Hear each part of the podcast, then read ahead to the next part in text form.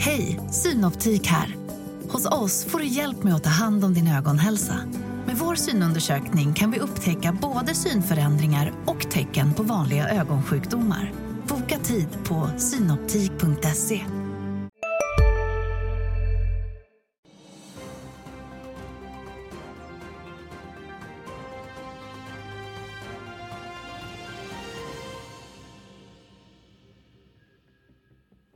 God morgon! Det spretar på börserna i Asien. Tokyobörsen stiger efter oförändrat räntebesked från Bank of Japan som samtidigt lättar på kontrollen av räntekurvan. Wall Street lyfte på bred front igår och Stockholmsbörsen ser ut att stiga svagt vid öppning. Det är den 31 oktober, tillika halloween och det är ett rysligt späckat börsmorgon.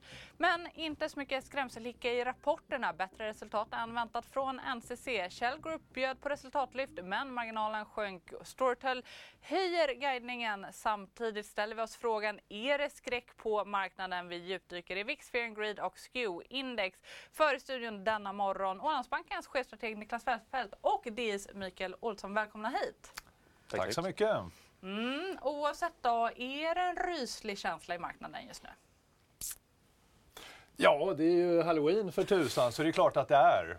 Eh, det har väl varit en, en, det har varit en liten eh, ryslig period som vi pratade om här under den senaste månaden så tillvida att, att eh, kurserna har kommit ner en del och räntan har stuckit upp i, i, i höjden och där står vi och darrar och vibrerar mitt i detta sus och dus.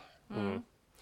Mm. Det är verkligen, sen har det varit väldigt mycket geopolitisk oro liksom, så de, de sett ut i världen så har det väl varit absolut rysligt. Och även små, småbolagen har ju drabbats väldigt hårt också. Där har vi ett par av dem idag, bland annat Storytel och Kjell Company då, som har fått se sina kurser ta en ryslig resa neråt. Då. Mm. Mm. Ja, men, och, om man tittar på rapportsäsongen, det är något av en höstlovsvecka, lite lugnare tempo. Men det, känslan är ju att det är svårt för bolagen att slå på topline vad säger ni om känslan hittills i rapportsäsongen?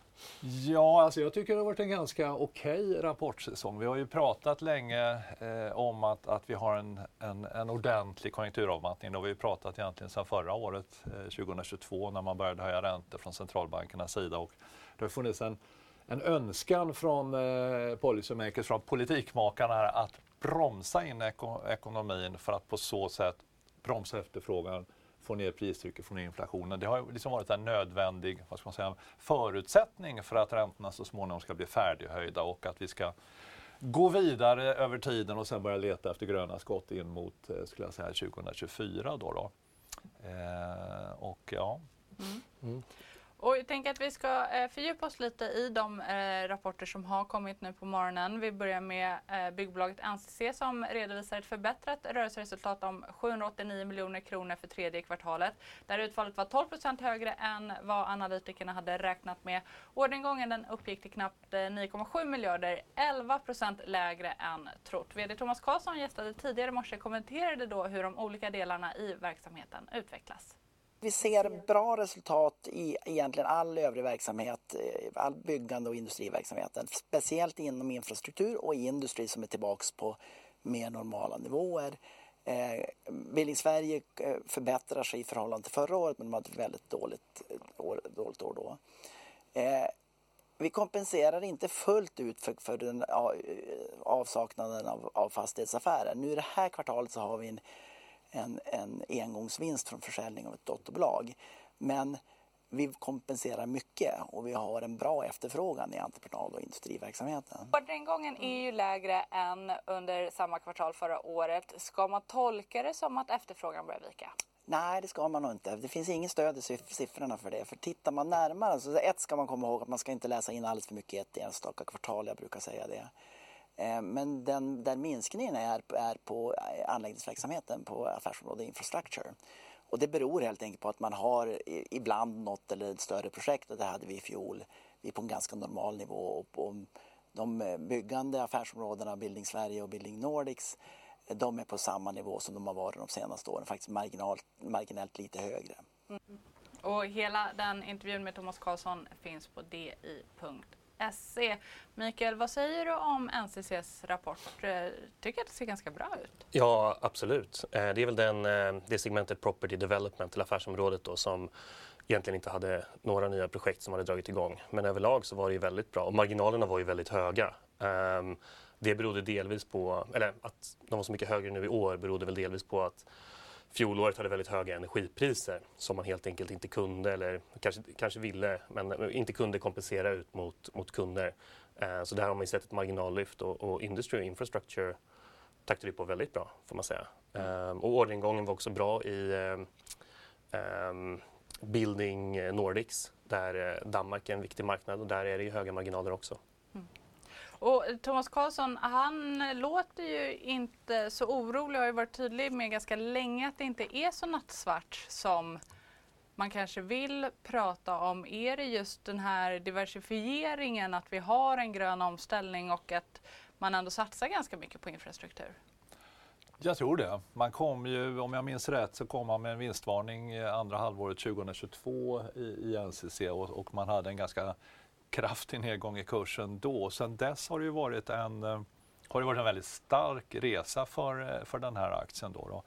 Eh, och lite som vi hörde i intervjun och som du pratar om också, det här med residential-bitarna har det ju väldigt tungt än så länge då, då och då har man andra ben att stå på istället. Och, och ser man till den aktien så är det ju liksom, det är ändå en ganska åt, trots den här starka kursuppgången så är det en ganska återhållen förväntansbild om man tittar på på värderingar och annat då, så det är ganska låga P tal och så. så att, nej, men, men vad kan man säga om den här rapporten? Kan man förvänta sig ett kurslyft idag givet att den är ganska pressad?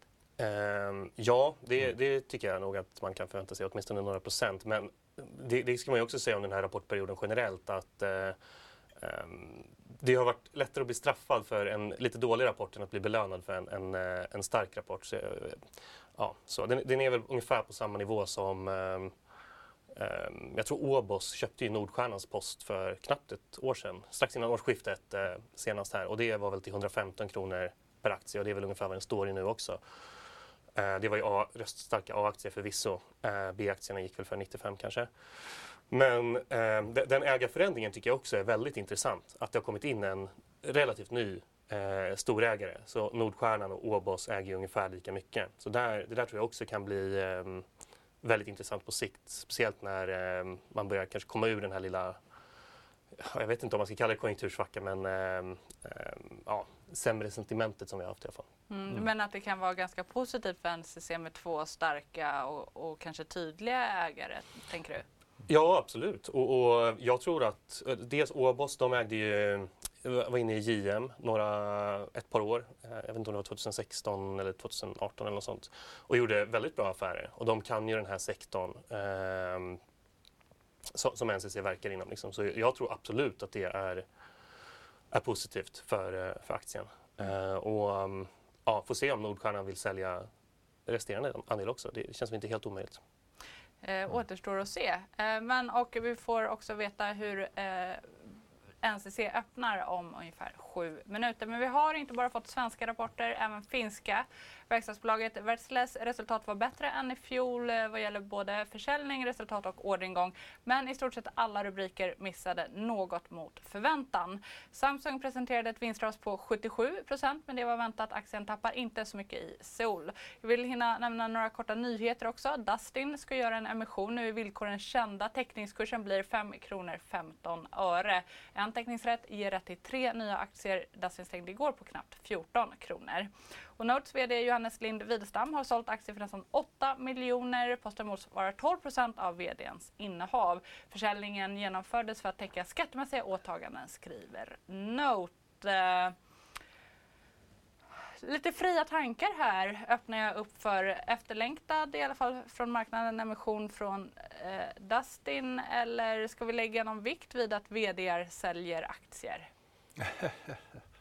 ja, jag menar eh vad ska man säga, I, i, ibland så av privatekonomiska skäl så är det klart att, att det, det, det, ska, man säljer en del aktier och annat. Nej, men när, när vi pratar om marknaden generellt så tycker jag liksom att ja, halloween och att det har varit en tuff månad. Att eh, rullar vi tillbaks bandet lite grann när vi gick in i oktober så var väl våran vy liksom att eh, säsongsmässigt och så vidare så brukar man gå in i en lite starkare period efter att ha lämnat bakom sig då ett augusti och september som ju ganska ofta är lite svagare.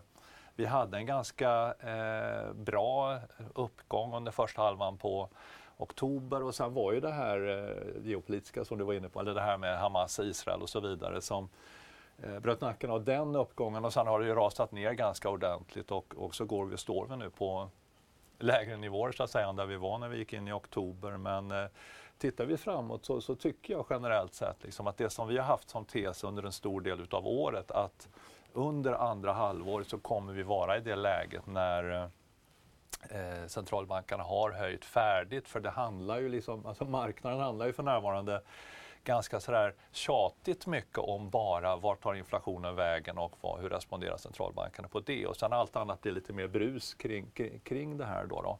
Det vore rätt skönt liksom att, att kunna liksom bocka av att, att eh, det vi tycker oss se också att inflationen kommer ner mot mer rimliga nivåer och att centralbankerna kan eh, slappna av lite mer. För då kan vi bli lite mer bolagsspecifika också. Liksom. Eh, men väldigt mycket överskuggas hela tiden utav de här stora strömningarna kring, eh, kring riskaptiten som är väldigt mycket kopplad till det här med eh, eh räntor och inflation. Då, då.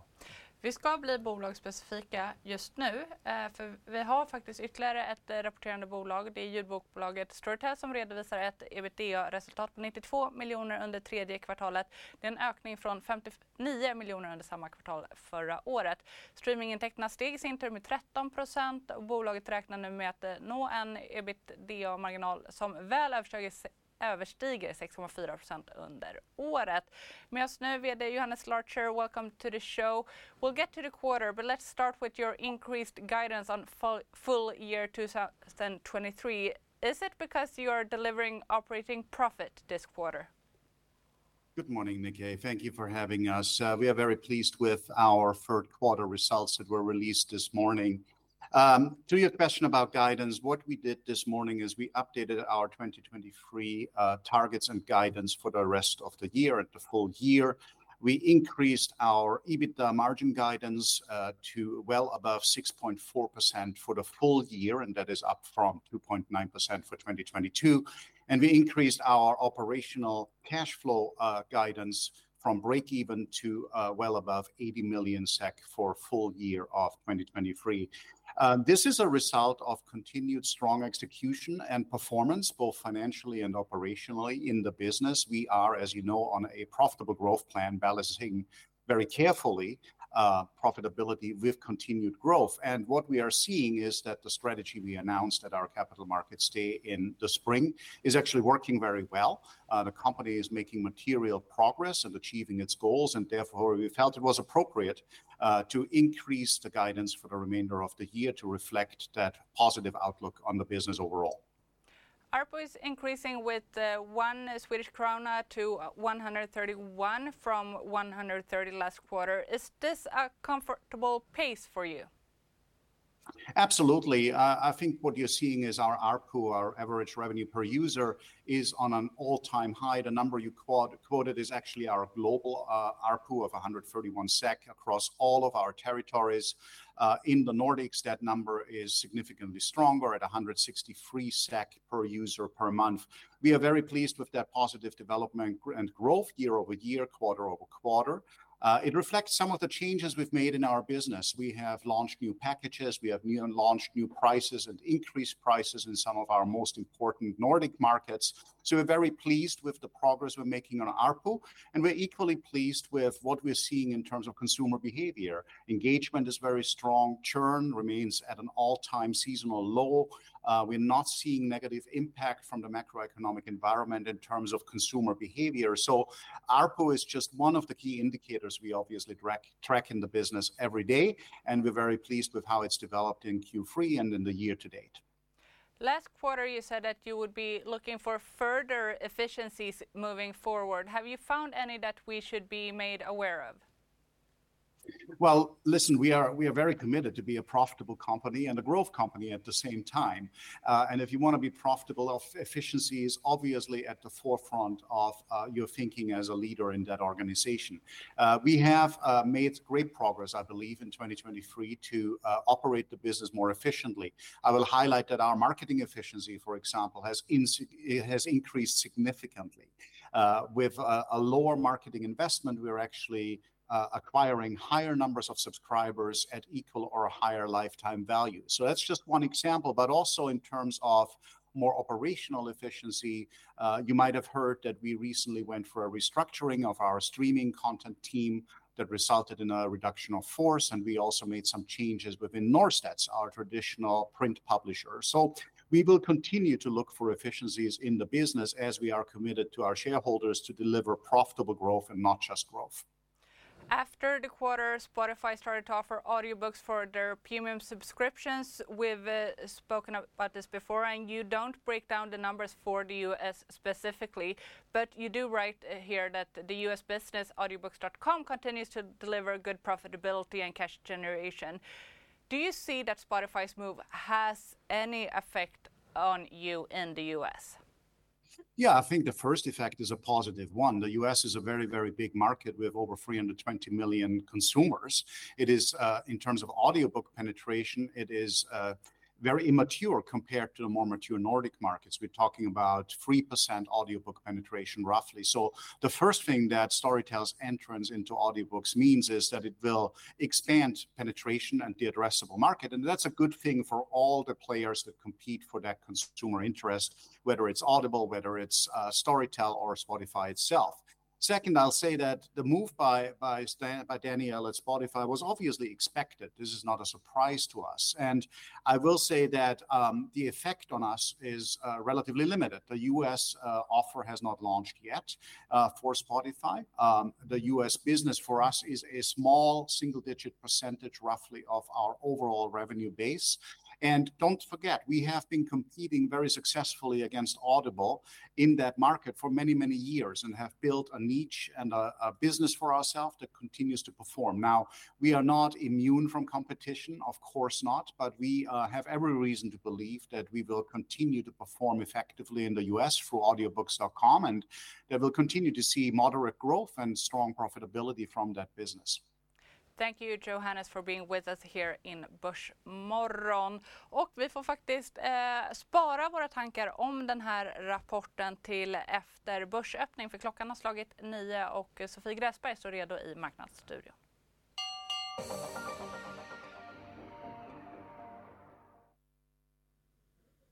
Stockholmsbörsen inleder i dur och stiger 0,3% denna dag där vi ser tvåsiffriga rapportlyft. Men jag tänker vi börjar med storbolagsindex där vi ser att Getinge ligger i toppen och är upp nästan 2% Även SKF och SBB stiger nu precis vid börsöppning. I botten av storbolagslistan däremot så hittar vi Autoliv och Investor som båda har lättare nedgångar. Men vi ska givetvis börja med dagens rapporter. Byggbolaget NCC tappar 2% efter sin rapport trots att det var bättre resultat än väntat där. Och vi såg resultatlyft för Shell Group men marginalen sjönk. Precis vid börsöppning så är det en tvåsiffrig uppgång och Shell Group är upp 18% Ungefär lika mycket som Storytel som även de stiger 18% på sin rapport. De ökade ju ebitda-resultatet och höjer marginalguidningen för helåret 2023. William Lundin tar vd-posten för IPC.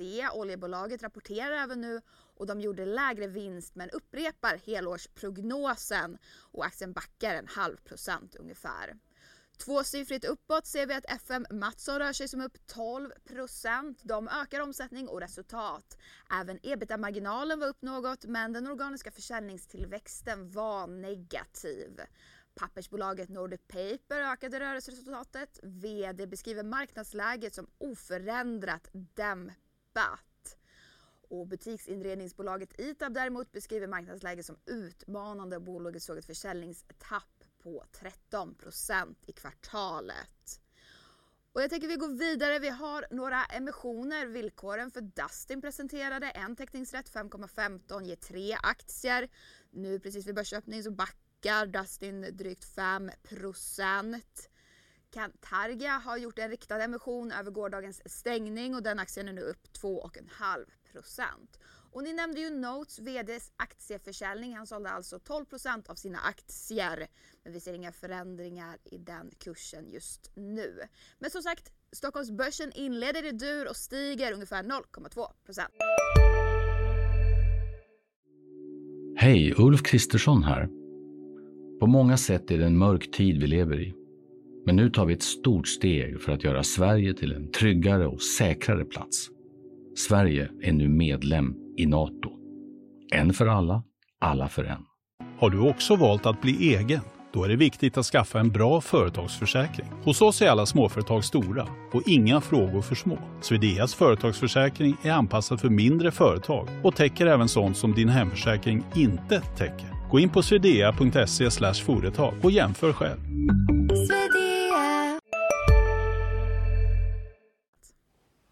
Stort tack för det Sofie. Det var lite eh, varierande reaktioner. Den noterar Note faktiskt ner närmare 3% på den vd-försäljningen.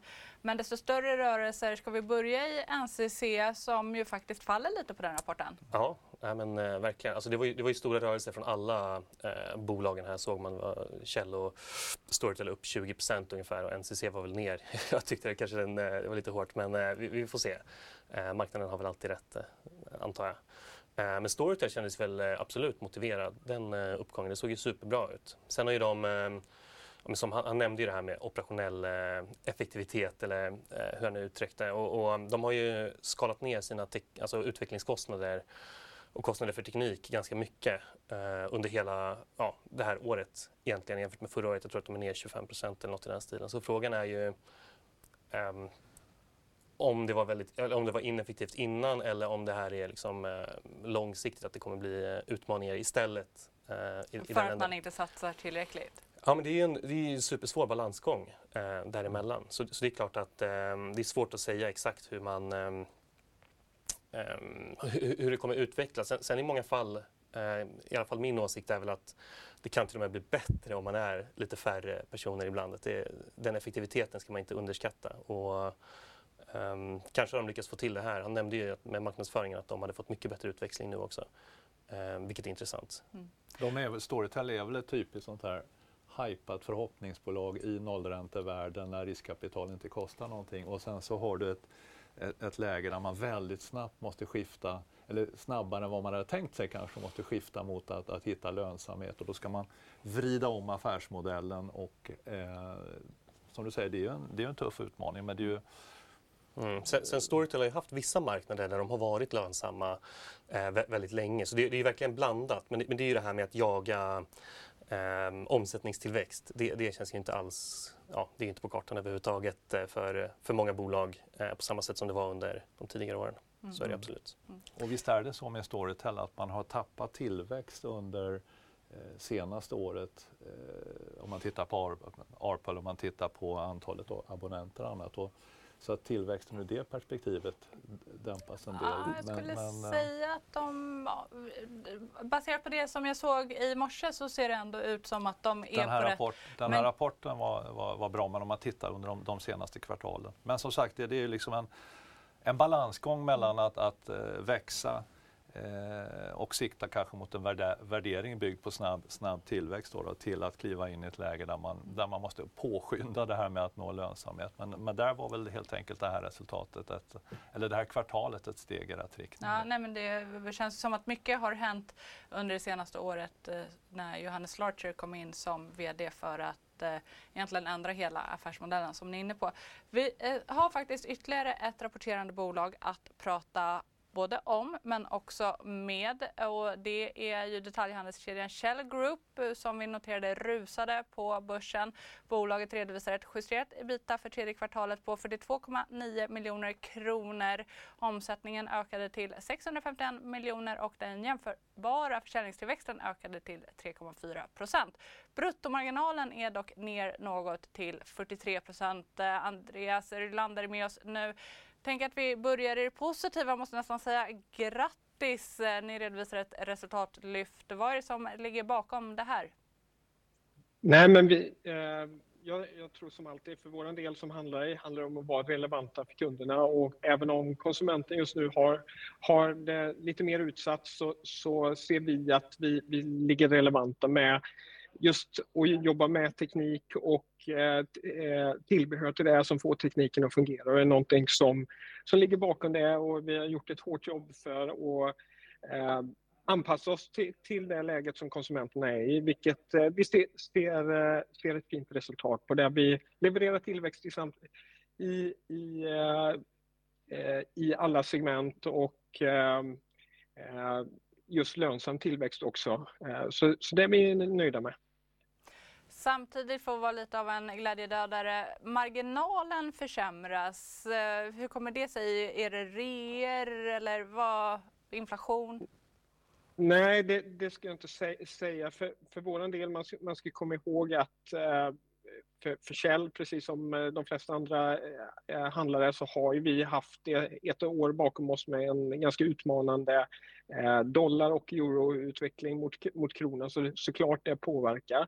För vår del så har vi också anpassat just och ehm, eh, faktiskt har, har en positiv mix i, i vissa, vissa kategorier där vi har eh, lyckats vara mer relevanta vilket har påverkat eh, extremt lite då bruttomarginalen som är eh, då ner 0,3 procent jämfört med förra året vilket är under omständigheterna vi är väldigt nöjda med. Ni har ju ett eh, viktigt kvartal framför er, eller som vi är inne i nu, Black Week och julhandel. Kan du säga något om hur det har startat och hur du upplever efterfrågan från kunder? Nej, men vi, vi, som jag sa, om man, om man tittar på framförallt våra huvudsegment som vi jobbar mycket med, med, med nätverk, mobil, mobiltillbehör och liknande, så ser vi att idag är det otroligt viktigt för konsumenterna att ha tillgång till bra nätverk. Eh, mobilen är många gånger viktigare än eh, brukar skoja nästan viktigare än maten, men eh, så, så för vår del ser vi att vi har en stor relevans i, i marknaden och hjälper kunderna att få te tekniken att fungera. När man kanske backar ner också lite på, på dyrare inköp så, så behöver man ha mobilen lite längre och köper mer tillbehör till istället, någonting som, som gynnar oss. Så, eh, just när vi tittar framåt eh, för fjärde kvartalet så ser vi också en vi har lyckats med en väldigt, väldigt eh, god satsning på vår norska marknad under eh, slutet av Q2 och här under Q3 vilket har gett eh, gott resultat, någonting som vi avser göra även i den svenska marknaden här under Q4. Så vi lägger stor tilltro till det som har fungerat väldigt bra. Och, eh, som sagt, vi, vi ser att kunderna har ett behov av tillbehör och få tekniken att fungera fortsatt. Mm. Ja, det märker vi av också här på DTV att man behöver ha teknik som funkar och det är vi tacksamma över att det gör idag. Ni har ju ett förbättrat kassaflöde i kvartalet. Ni har minskat nettoskulden med 90 miljoner. Nettoskulden nu i förhållande till rullande 12 månaders justerad ebitda AL är på 3. Hur påverkas ni av de stigande räntorna och hur ser du på den eh, skuldnivån ni befinner, oss, eh, befinner er vid just nu? Ja, nej men jag, jag, tror, jag, tror det är viktigt att komma ihåg, vi har ju, Kjell har ju inte varit på börsen superlänge och eh, tiden vi har varit på börsen har präglats för vår del ganska mycket av en, en minst sagt stökig situation när det gäller supplykedjan. Eh, vi hade både komponentbrist, containerbrist, eh, ja, men allmänt stök vilket framförallt i eh, under 2022 innebar för vår del att vi fick bygga lite större lager än, än vad vi, vi tidigare Eh, hade önskat.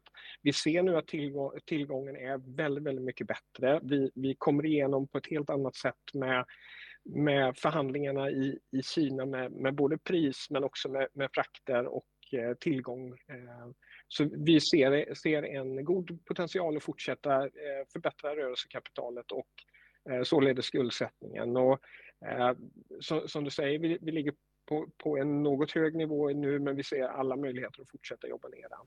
Mm. Men är det så att ni har behov av nytt kapital för att få ner skuldsättningen? Nej, vi, eh, så som situationen är just nu så har vi inga problem med de finansiella åtaganden vi har. Vi har gott om utrymme för att realisera de strategier vi har och eh, så, så det, det har vi inte. DI kunde ju rapportera om ett ägarbråk i mitten av oktober, något som styrelsen sen också gick ut och kommenterade. Hur påverkas det operationella av de här diskussionerna? Jag, jag skulle säga att det påverkar inte alls. Och liksom från, från min sida, det, det är ju, jag, jag, väljer att se, se, det som att vi har, vi har extremt engagerade och dedikerade ägare som, som bara vill, vill bolaget väl. Och, Eh, vi, vi, eh, vi jobbar såklart nära och eh, som jag sa, vi har en, en kort historik på börsen vilket gör att det är svårt för alla att ha, ha full insyn i hur, hur cykliskt våran, våran bransch är och framförallt som jag sa att vi har, kommer från en, en stökig situation i, i supplykedjan vilket har påverkat negativt, vilket vi ser nu är en ordentlig ljusning och något vi, vi kan fortsätta förbättra. Stort tack Andreas Rylander för att du var med här i sändning och grattis till mottagandet av rapporten. Upp närmare 20 procent eh, och det är en ganska trygg upplever jag Andreas Rylander som vi hör här. Det, det, får man verkligen säga. Jag tror att mycket av den rapportreaktionen vi ser nu är att de har eh, jobbat med rörelsekapitalet, hade väldigt starkt kassaflöde och eh, därmed så minskar väl den nyemissionsrisken som eventuellt har funnits då eh, och kanske fortfarande finns i, egentligen om man ska, ska vara ärlig. Ehm, det kommer ju bero väldigt mycket på det fjärde kvartalet nu hur, hur det går. Om det skulle vara väldigt svagt ehm, då ehm, kommer ju bolaget troligtvis vara en ganska pressad. Det, det, fjärde kvartalet är väldigt viktigt för alla eh, bolag inom handel. Um, så, så, vi får se lite grann hur det går, men jag tror att det här är ett lättnadsrally där man helt enkelt tolkar in att okej, okay, men nu minskar det lite grann um, och sen får vi se hur, hur starkt den här liksom, orkar gå efteråt. Men, men um, det fjärde kvartalet blir ju helt enkelt avgörande. Uh, och jag, jag, tror att den här ägar, eller ägarbråket som man kan kalla det, jag tror att eller så som jag minns det så var det inte en, en oro för att bolaget inte skulle kunna möta sina åtaganden. Det var därför man ville göra en nyemission. Utan det var mer att man ville eh, vara proaktiv, säkra upp så att man har en stabilare balansräkning, kanske till och med kan utnyttja lägen som, som skulle kunna finnas för att sen därifrån jobba liksom, en bättre bottenplatta att utgå ifrån. Mm. Um.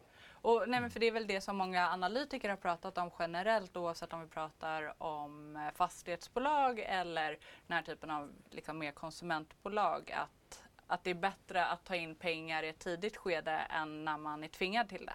Bättre att vara, bättre att vara proaktiv än, än, än, än reaktiv där, ja. och, och, i den mån man har, har möjligheter. Men, men eh, Kjell kanske grejer det här ändå. Men det, det är väl en, det är en kort historik på börsen, men det har väl varit så att man har varit mer cyklisk kanske än vad eh, investerarna räknade med. Och sen är man ju nu en jättestor vinnare på att leveranskedjorna fungerar bättre. Det är ju, det är ju väldigt uppenbart. Så, mm. ja. jag, jag, tror att Dustin, eh, som vi pratade om i nyemissionen här tidigare, det är väl en lite liknande situation också där eh, en ägare har blivit arg på, på styrelsen, men där har de ju kommit lite längre. Eh, i, eller där har de ju gjort en, en eh, emission, där villkoren kommer ju idag. Liksom, mm. eller, så.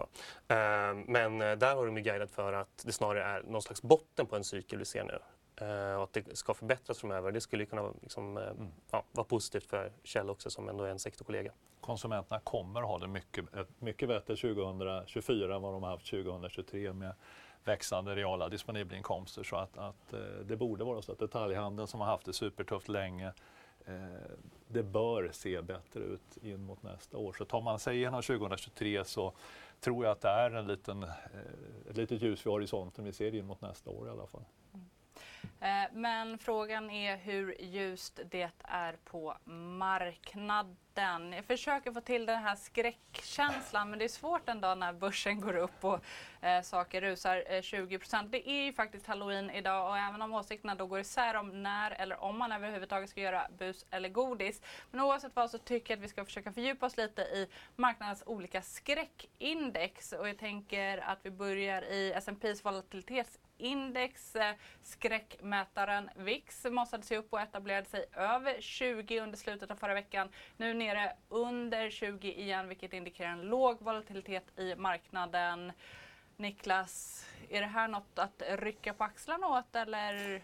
Ja, alltså det, vad ska man säga, vi, det är ju inte så att vi tittar så himla mycket på det här utan eh, VIX visar ju liksom den förväntade, de förväntade prisrörelserna under kommande månad och ofta tycker jag den är ganska samtida med det som sker. Att är du i en period som vi, som vi har sett nu de sista veckorna med en ganska kraftig nedgång i, i, i aktiekurser och annat så tenderar VIX att stiga. Har du sedan en period när det stabiliseras en del så brukar VIX också komma ner. Jag, jag tycker ofta är det kanske inte så kanske inte är så framåtblickande utan mer en, en, en bekräftelse från optionsmarknaden att, att eh, hur saker och ting ser, ser ut omkring en. Då, då. Mm.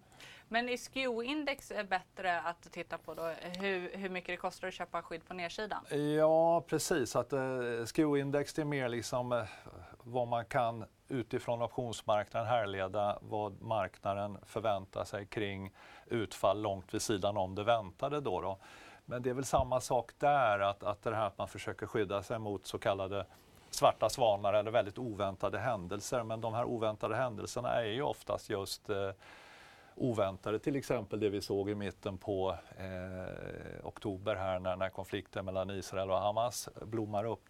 Det är svårt liksom att, att, att förvänta det i förväg utan det, det händer när, när det händer. Och tittar man historiskt så tror jag inte kanske att skoindex har varit så bra på det hela utan det är också en reflektion över när osäkerheten är väldigt stor så tenderar ju ganska ofta också eh, rädslan för utfall långt vid sidan om eh, de förväntade utfallen, att, att den rädslan också ökar. Så att, kanske lite mer en spegling av, av, av, av allmän oro än att det har en väldigt tydligt ledande eh, roll i vad gäller att, att, att liksom väg, vägleda investerare in i, i, i olika Eh, marknadsförlopp. Då, då. Mm. I min synpunkt. Sen, sen, tror jag att om man är, om man är liksom väldigt aktiv i obligations eller i optionsmarknaden och jobbar mycket med strategier där, ja men då är väl det här deras kanske eh, kärnverktyg av olika slag. Men vi tittar nog mer på, vi håller oss nog mer i, i, i, i så att säga eh, i köp och sälj av aktier och fundamental analys av det och en, en, en, att, att skapa oss en bild om vart konjunktur och annat är på väg då, då snarare än att hämta så mycket information kring just ur VIX och, och mm. Då. Min upplevelse är ju också att du brukar vara ganska positiv Niklas, eh, generellt sett. Men då om man tittar på CNNs Fear and Greed Index, eh, kan det vara en bättre indikator just för aktiemarknaden? För det ligger just nu och pendlar. Idag är det på Fear. Vanligtvis brukar man säga att det är vid Extreme Fear som, som det vänder. Ja men exakt, ja men den eh, kan jag nog hålla med om att vi kanske sneglar lite, lite mer eh, på. Då, då, Det är ju ett index som består utav man, man väger ihop lite olika komponenter, hur, mycket, hur stor andel av aktier som är all time high eller all time low, efterfrågan på eh, olika typer av krediter och, och, eh, och, så vidare. och så vidare. Men, men eh, där tycker jag det har varit ganska ofta så att det här är en, en hygglig omvänd indikator. Att om, om det nu är halloween här och eh, alldeles häromdagen så var vi nere och vände på Extreme Fear igen då är det ju oftast så att om man orkar lyfta blicken en eller två månader fram i tiden så brukar, eh, så brukar vi röra oss in i en mer stabila, stabilare miljö. Det känns som att det är ju ganska översålt i, i, i aktiemarknaden för närvarande och tittar vi framåt årsskiftet och in mot nästa år mot bakgrund av vår syn på att, att delårsrapporten har sett okej okay ut, Eh, det bör vara en, en, en, en, stabilare konjunktur in mot nästa år. Förutsättningarna för, för bolagens intjäning ser okej ut. Vi ser också att, att vinstrevideringsmomentum bland bolagsanalytiker har ju på marginalen stärkts en del under rapportperioden. Så jag tycker ändå att, att det, det är nerhamrade aktiekurser, eh, vinstförväntningarna håller emot ganska bra, värderingen är låg och, och så att säga risk-reward eller, eller så att säga Eh, ja, förutsättningarna för aktiemarknaden eh, framöver ser okej okay ut och det tycker jag Fear and Greed, att den är så nerpressad tycker jag också är, är mer ett kvitto på att det är väldigt stökigt nu men eh, eh, blickar vi framåt så finns det liksom fundamentala förutsättningar för att det här ska se lite piggare ut. Då. Ja men Mikael, börsen är väl alltid 6 9 månader framåtblickande? Ja, de säger ju det. Sen så tycker jag väl kanske att om det alltid var så så borde vi väl ha lärt oss det vid det här laget och prisat in det. Men ja, jag vet inte hur det där funkar om jag ska vara helt ärlig. Eh, däremot så tycker jag alltså det här med extreme fear. Eh, jag tycker det har väl inte varit någon extrem rädsla i marknaden även om den har varit nere på det ett par gånger. Det, I sådana fall tycker jag det känns som den tråkigaste extremrädsla-marknaden som vi har haft på väldigt länge. Liksom. Kanske är därför den också ligger och pendlar mellan fear och extreme fear för att, för att det inte är så Ja, men det har, det har inte varit speciellt mycket panik. Liksom. det är, visst, absolut, många småbolag har handlats supersvagt. Uh, men överlag så tycker jag att det är, ja, vi är fortfarande på väldigt höga nivåer. Mm. Uh, så är det Och sen så är det det geopolitiska men det är väldigt svårt att säga om vad som, vad som kommer hända där. Uh, tycker jag i alla fall. Mm. Mm. Nej men som du säger att det, det har inte varit någon sån här Ofta ska man igenom någon sorts kapitulationsfas när, när investerarna ger, ger, ger upp, när man liksom bryter igenom eh, nivåer där, ja, där, där, man liksom, där folk ger upp och, och eh, håglösheten är mer utbredd än vad den är, än vad den är nu. Då, då. Men eh, eh, det är också så här liksom att timing från en dag till en annan, det är i ärlighetens namn mer, det är väldigt mycket så att säga, det är ett lotteri där, utan det man måste göra är ju att, att titta framåt Eh, ett halvår eller ett år och så fundera på liksom förutsättningarna för, eh, för företagen och bolagen, relatera det till värderingen. Eh, utav aktiemarknaden. Titta på liksom konjunkturbild, titta på bolagens förväntade intjäning. Hur stadiga, robusta, rimliga känns de här förutsättningarna? Vad säger bolagen? Och sen väva ihop det där och sen så får man liksom, då har du liksom en vy och sen var marknaden tar vägen i, i det väldigt korta perspektivet. Det är svårt att ha en liksom väldigt stark vy på det då, då, utan det viktiga är liksom att vad tror man om den här, att, att, att lyfta blicken en, en, en bit bort. Från en dag till en annan så kan det ju vara lite eh, det, det är flöden och annat och sen så, som, som, styr det hela. Och sen när dagen är slut, om det har varit en kraftig uppgång eller nedgång så kan man sätta en rubrik på det så att säga. Men eh, det är svårbedömt på väldigt kort sikt utan det gäller att liksom orka vara medelfristig. Och är det då så att du har, som vi ser det i alla fall, en ganska då nedtryckt eh, värdering i marknaden så, eh, och, och de medelfristiga utsikterna ser okej okay ut, ja men då, då, då ska man liksom or orka, orka hålla i. Då, då. Mm. Inte så mycket oro här i studion och eh, kortsiktigt ser det inte ut att vara särskilt mycket oro på Stockholmsbörsen. Sofie, hur utvecklar sig de rapporterande bolagen denna halloween-dag? Ja, det fortsätter uppåt för de rapporterande bolagen och Stockholmsbörsen i stort lyfter en halv procent. Men vi börjar titta på storbolagsindex så ser vi att Sinch är upp 3 procent, SBB stiger 2 och Getinge 1,5 procent ungefär. Och i botten av storbolagsindex så har vi just nu bara Telia och Autoliv medan 28 av 30 storbolag faktiskt stiger. Och om vi då tittar på de rapporterade bolagen så ser vi ju tvåsiffriga rörelser. Shell Group är upp 16 procent på sin rapport. De såg ju ett resultatlyft men marginalen sjönk och på tal om marginal så Storytel ökade ebitda-resultatet och höjer marginalguidningen för helåret 2023. Och även de stiger tvåsiffrigt upp nästan 25 procent på sin rapport. FM Mattsson är till och från upp tvåsiffrigt. Nu är de upp 9,5 procent på sin rapport. Och de ökar ju omsättningen och resultatet och även ebitda-marginalen var upp något men den organiska försäljningstillväxten var negativ. Vi går vidare till byggbolaget NCC som går mot den här rapportströmmen och backar på sin rapport och är ner 5,5 procent. Det är trots att det var bättre resultat än väntat där.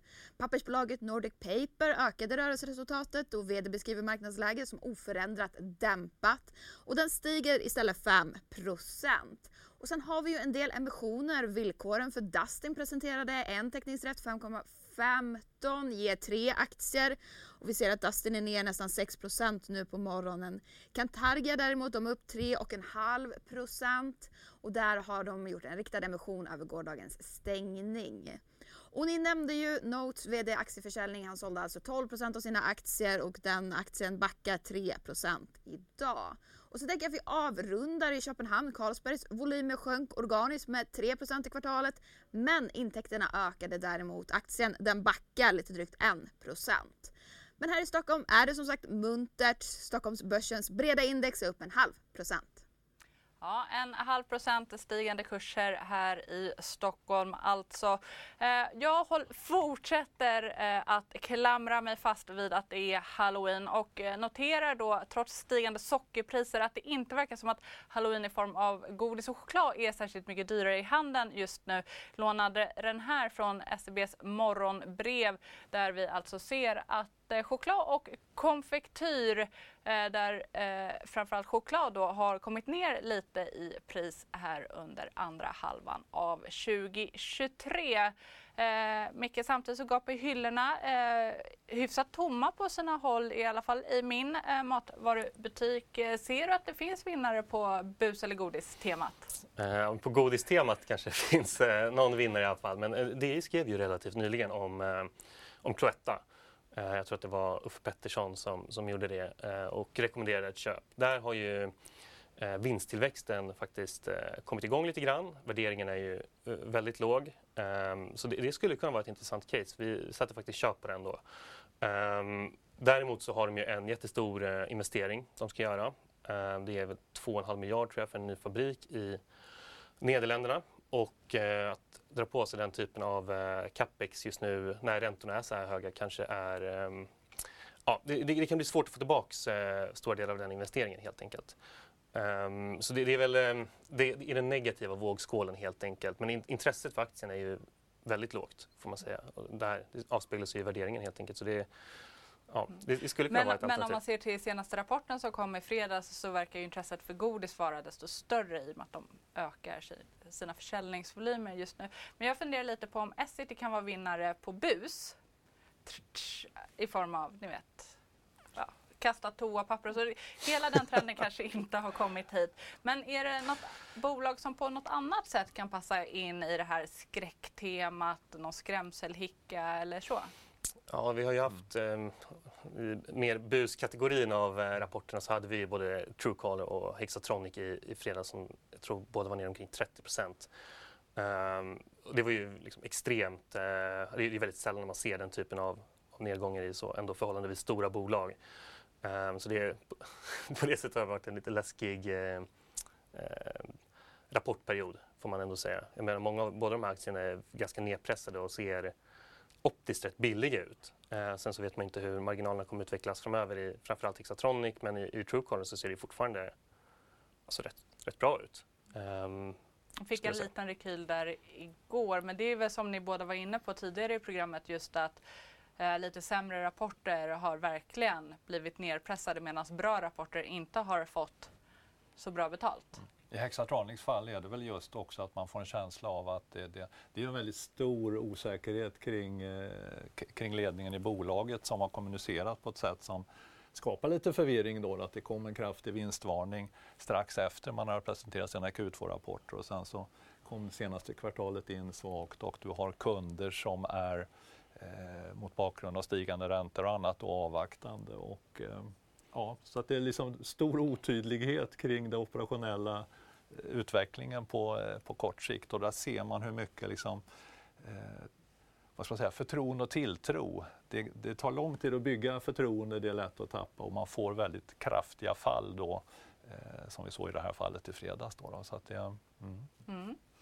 Eh, det här tänkte jag faktiskt kommer sätta punkt för Börsmorgon denna sista oktober. Eh, det var motsatsen till skräckfyllt att ha er här i studion. Stort tack Niklas Fällfelt och Mikael Olsson för att ni båda kom hit. Vill ni tittare förfasas än en gång över eh, de indikationer som ändå finns där ute så vet ni vid det här laget att det också går att få Börsmorgon som podd och att eh, programmet finns där poddar finns. Vågar inte lova att det blir eh, nattsvart i Börskoll klockan två, men att det blir ett program, det kan jag utlova. Jag kan också lova att jag heter Nika Mikives och att jag faktiskt verkligen nu säger tack för idag. Hej då!